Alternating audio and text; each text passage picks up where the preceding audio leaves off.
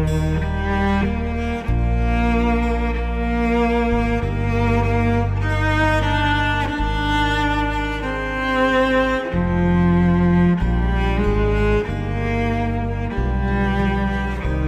Selamat pagi umat-umat Tuhan, kita bersyukur untuk anugerah yang Tuhan berikan kepada kita. Pada pagi hari ini kita akan membaca dan merenungkan firman Allah dan bacaan kita adalah pada bagian akhir pasal 7 surat 1 Korintus. 1 Korintus pasal yang ke-7 ayat yang ke-35 sampai ayat yang ke-45 ayat ini mari kita akan baca bersama-sama 1 Korintus pasal yang ke-7 ayat yang ke-35 sampai ayat yang ke-40 demikianlah firman Tuhan. Semuanya ini kukatakan untuk kepentingan kamu sendiri, bukan untuk menghalang-halangi kamu dalam kebebasan kamu, tetapi sebaliknya supaya kamu melakukan apa yang benar dan baik dan melayani Tuhan tanpa gangguan. Tetapi jikalau seorang menyangka bahwa ia tidak berlaku wajar terhadap gadisnya, jika gadisnya itu telah bertambah tua dan ia benar-benar merasa bahwa mereka harus kawin, baiklah mereka kawin kalau ia menghendakinya hal itu bukan dosa. Tetapi kalau ada seorang yang tidak dipaksa untuk berbuat demikian, benar-benar yakin dalam hatinya dan benar-benar menguasai kemauannya, telah mengambil keputusan untuk tidak kawin dengan gadisnya, ia berbuat baik. Jadi orang yang kawin dengan gadisnya berbuat baik, dan orang yang tidak kawin dengan gadisnya berbuat lebih baik. Istri terikat selama suaminya hidup. Kalau suaminya telah meninggal, ia bebas untuk kawin dengan siapa saja yang dikehendakinya, asal orang itu adalah orang yang percaya. Tetapi menurut pendapatku, ia lebih berbahagia kalau ia tetap tinggal dalam keadaannya. Dan aku berpendapat bahwa aku juga mempunyai roh Allah. Umat-umat yang dikasih Tuhan, kita melihat pernikahan adalah sesuatu hal yang sangat penting sekali untuk kita pikirkan dan kita bawa ke dalam rencana Allah. Jadi bukan rencana manusia. Itu sebabnya persoalan kawin atau tidak kawin itu bukanlah hal yang kita bandingkan sebagai sesuatu hal celah atau aib. Jadi kalau orang dia tidak kawin itu adalah suatu hal yang rendah. Tidak.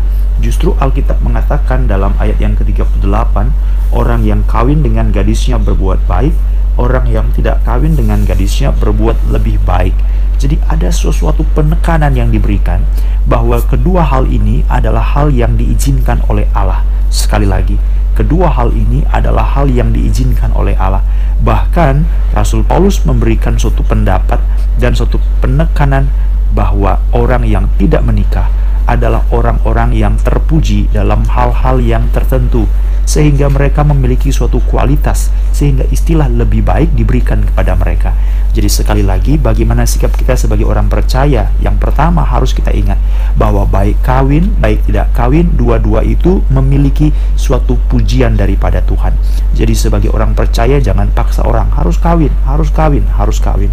Atau sebaliknya merendahkan orang yang kalau dia tidak mengambil keputusan untuk tidak kawin, maka kita anggap orang ini orang aneh, orang ini orang yang sangat tidak normal.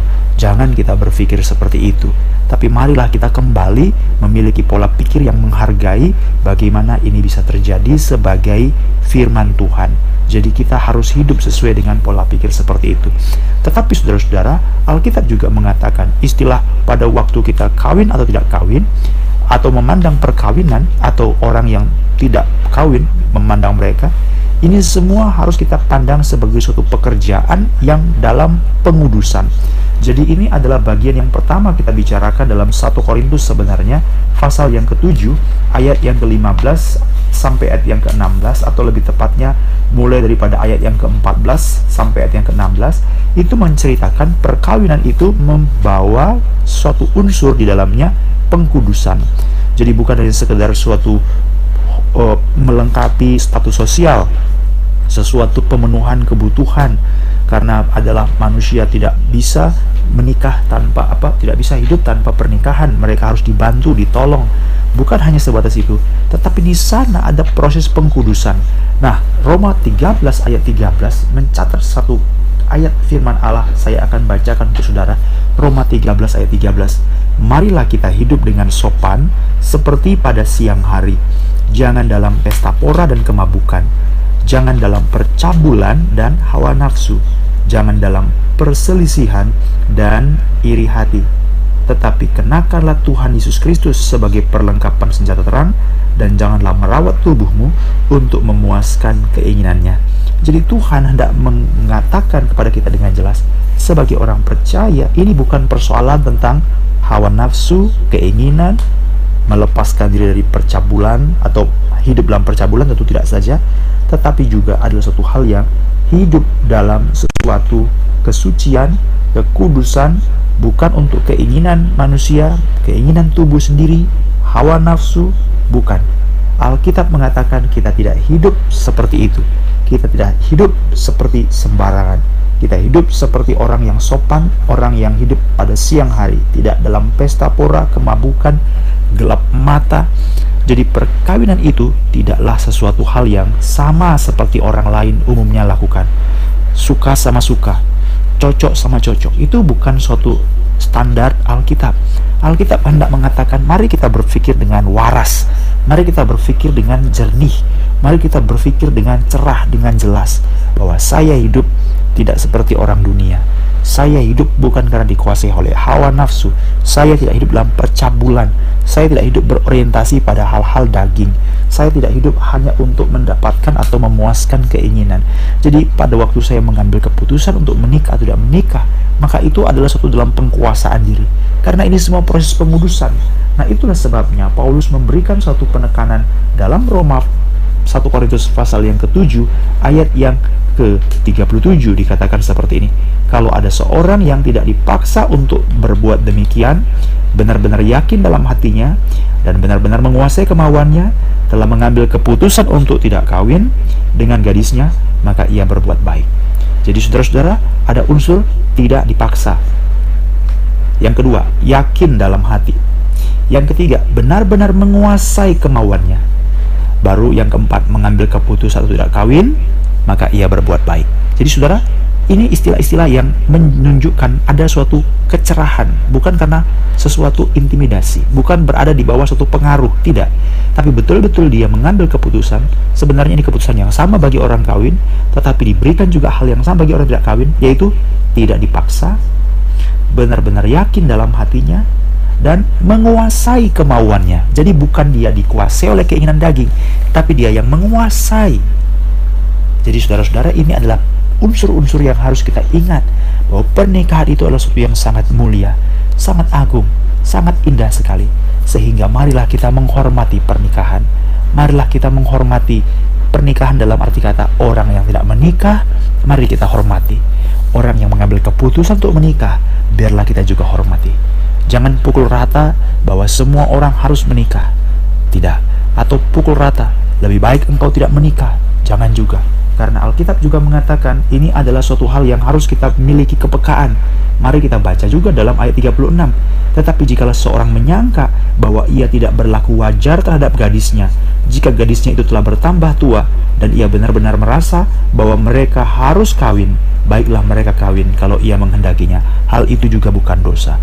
Jadi banyak orang selalu hadir pada satu ekstrim di mana dia terlalu menitik beratkan harus menikah atau sebaliknya, jangan menikah. Wah, ini dua hal yang harus dihati-hati. Jadi memaksa orang untuk ayo menikah, ayo menikah, ayo menikah ini bahaya. Tetapi juga menghalangi orang untuk menikah ini juga bahaya. Jadi apa yang harus kita pikirkan? Tadi sudah kita mulai. Landasan kita adalah ini proses pengkudusan. Jadi kita harus menyadari bahwa semua ini adalah kita adalah orang-orang anak Tuhan, hidup dalam siang hari, bukan dikuasai oleh pesta pora kemabukan dan hawa nafsu keinginan, tetapi sesuatu yang mau hidup betul-betul mau mempermuliakan Tuhan. Jadi jangan ada paksaan. Ayat 37. Lalu ada keyakinan dalam hati. Ayat 37 benar-benar menguasai kemauan. Jadi ini adalah unsur-unsur yang boleh kita serahkan dan miliki pada waktu kita menghadapi tentang pernikahan-pernikahan ini.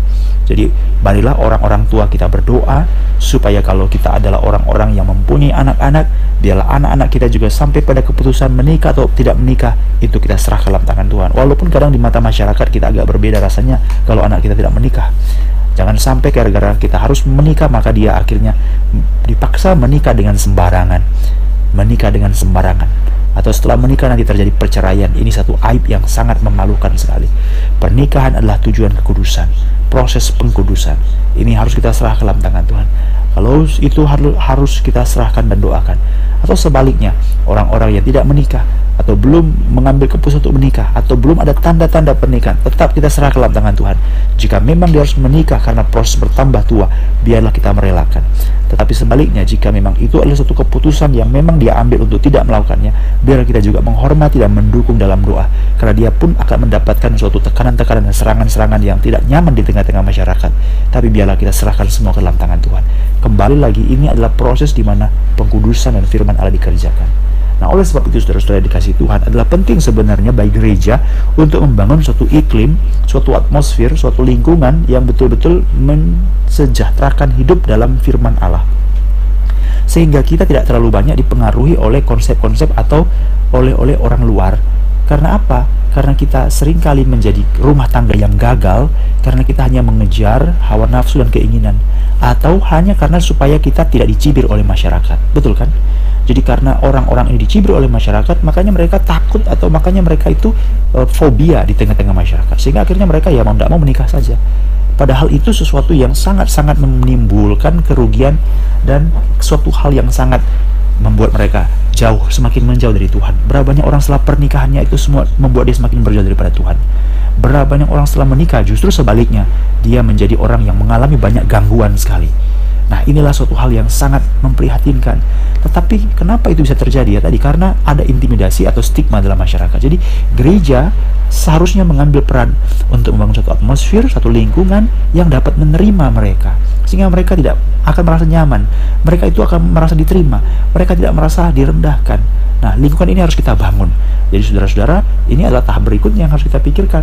Bahwa kalau kita adalah orang bergereja, kita adalah anak Tuhan, kita perkumpulan orang-orang percaya, ayo dong kita memiliki pikiran seperti itu. Jadi jangan mencibir, jangan merendahkan, tapi mari kita membangun supaya orang-orang yang memang mengambil keputusan apakah mereka menikah atau tidak menikah, betul-betul kita dukung dalam doa.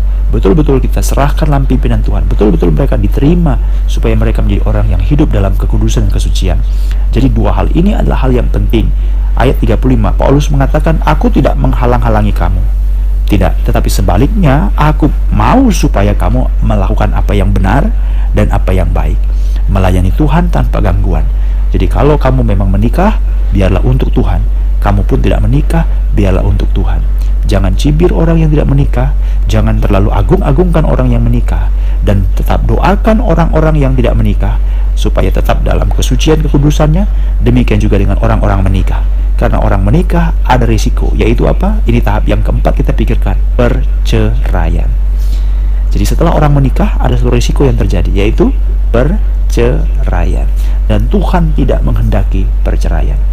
Itu sebabnya dalam ayat yang ke-39 40 ditutup dengan membicarakan perkawinan-perkawinan pernikahan itu dengan satu persoalan tentang potensi dan bahaya perceraian. 39. Istri terikat dengan suaminya selama suaminya itu hidup.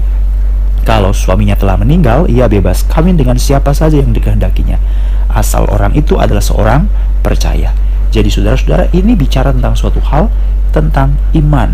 Jadi perkawinan itu adalah suatu hal yang iman. Efesus surat Paulus kepada Jumat di Efesus pasal yang kelima 22 mengatakan sampai ayat yang terakhir ini adalah hubungan antara Kristus dengan jemaat. Jadi ini pasti adalah konsep tentang keselamatan yang dikerjakan Allah kepada umat manusia, yaitu Kristus sebagai kepala gereja dan jemaat itu adalah tubuhnya. Jadi seperti itulah suami dengan istri, seperti itulah perkawinan itu adalah suatu kerja keselamatan. Itu sebabnya dalam ayat yang ke-39 dikatakan kalaupun orang itu mau menikah, dia harus menikah dengan orang percaya.